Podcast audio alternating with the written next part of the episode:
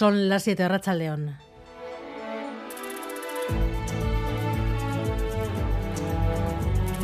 Gambara con Arancha García.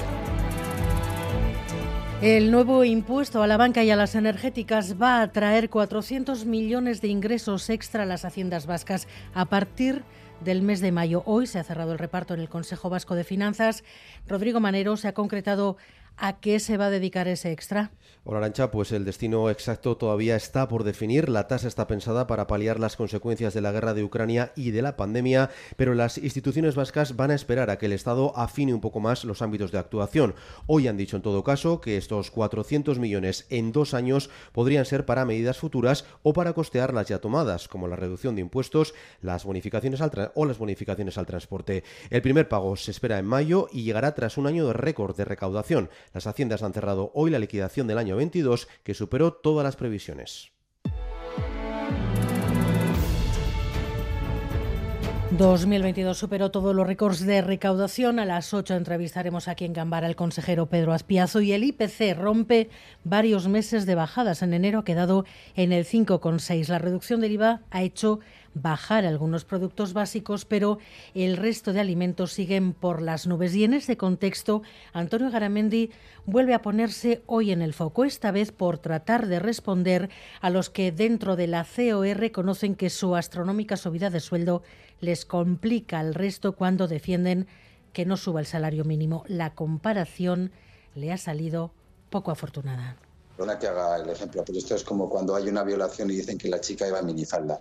Perdón, no, o sea, no, no acepto pulpo como animal de compañía. Esto ni complica ni descomplica. La pérdida de poder adquisitivo, entre tanto, es uno de los motivos por el que los empleados públicos estaban llamados hoy a parar en Navarra. ¿Cómo ha sido la incidencia, en Arangoa?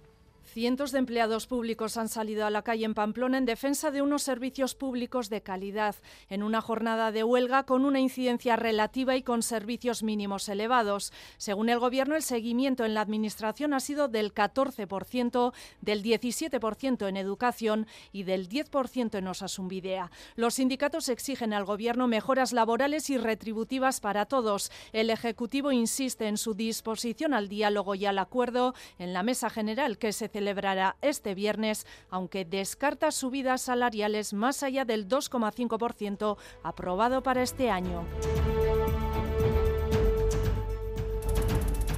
In my head and in my heart, I know that time is now. That it is right for me, for my party la despedida inesperada de la primera ministra escocesa Nicola Sturgeon se va. En unos minutos analizamos qué hay detrás de esta decisión que le escuchábamos decir va a ser lo mejor para ella, para su país y para su partido. Veremos también qué es lo que puede suponer para el independentismo en Escocia. Y cada año se detectan en Euskadi una media de 50 tumores malignos en niños y niñas. La supervivencia a 5 años ya es del 80%, incluso más en los cánceres más frecuentes. Ernesto es el padre de Nico, ya curado. Ellos normalizan los padres, los padres vivimos con ese exceso de información que tenemos en la vida, de preocuparnos por lo futuro, no de decir qué va a pasar mañana, y nos olvidamos de lo que está pasando hoy. Y el críos, pues viven hoy. Y Nico ha sido, vamos, ha estado feliz en el hospital. Hemos llorado, lógicamente, cuando, cuando un crío, pues algún amigo no ha podido superar la enfermedad y se ha ido. Pero el resto, la, o sea, él, Nico, es feliz en la enfermedad.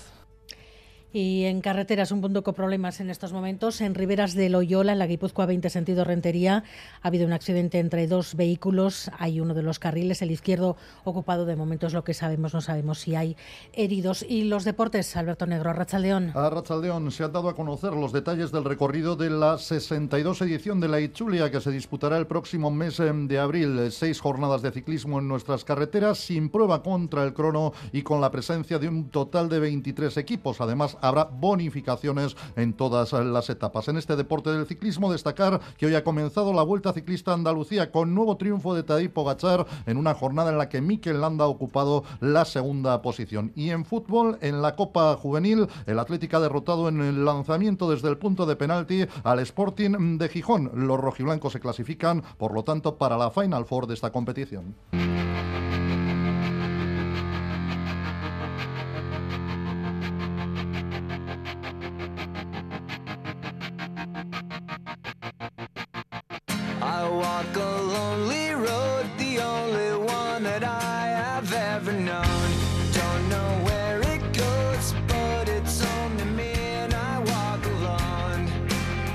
Nuestra contra hoy para las políticas informativas que a veces, que a veces crean crisis y otras parece que las ocultan. Xavier Madariaga.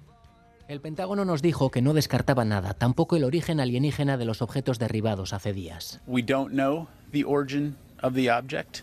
La portavoz de la Casa Blanca se vio obligada después a tranquilizar a la población. Con el escudo de la Casa Blanca y la bandera norteamericana de fondo, entre risas de los periodistas, decía que no, no hay origen alienígena detrás de los ovnis.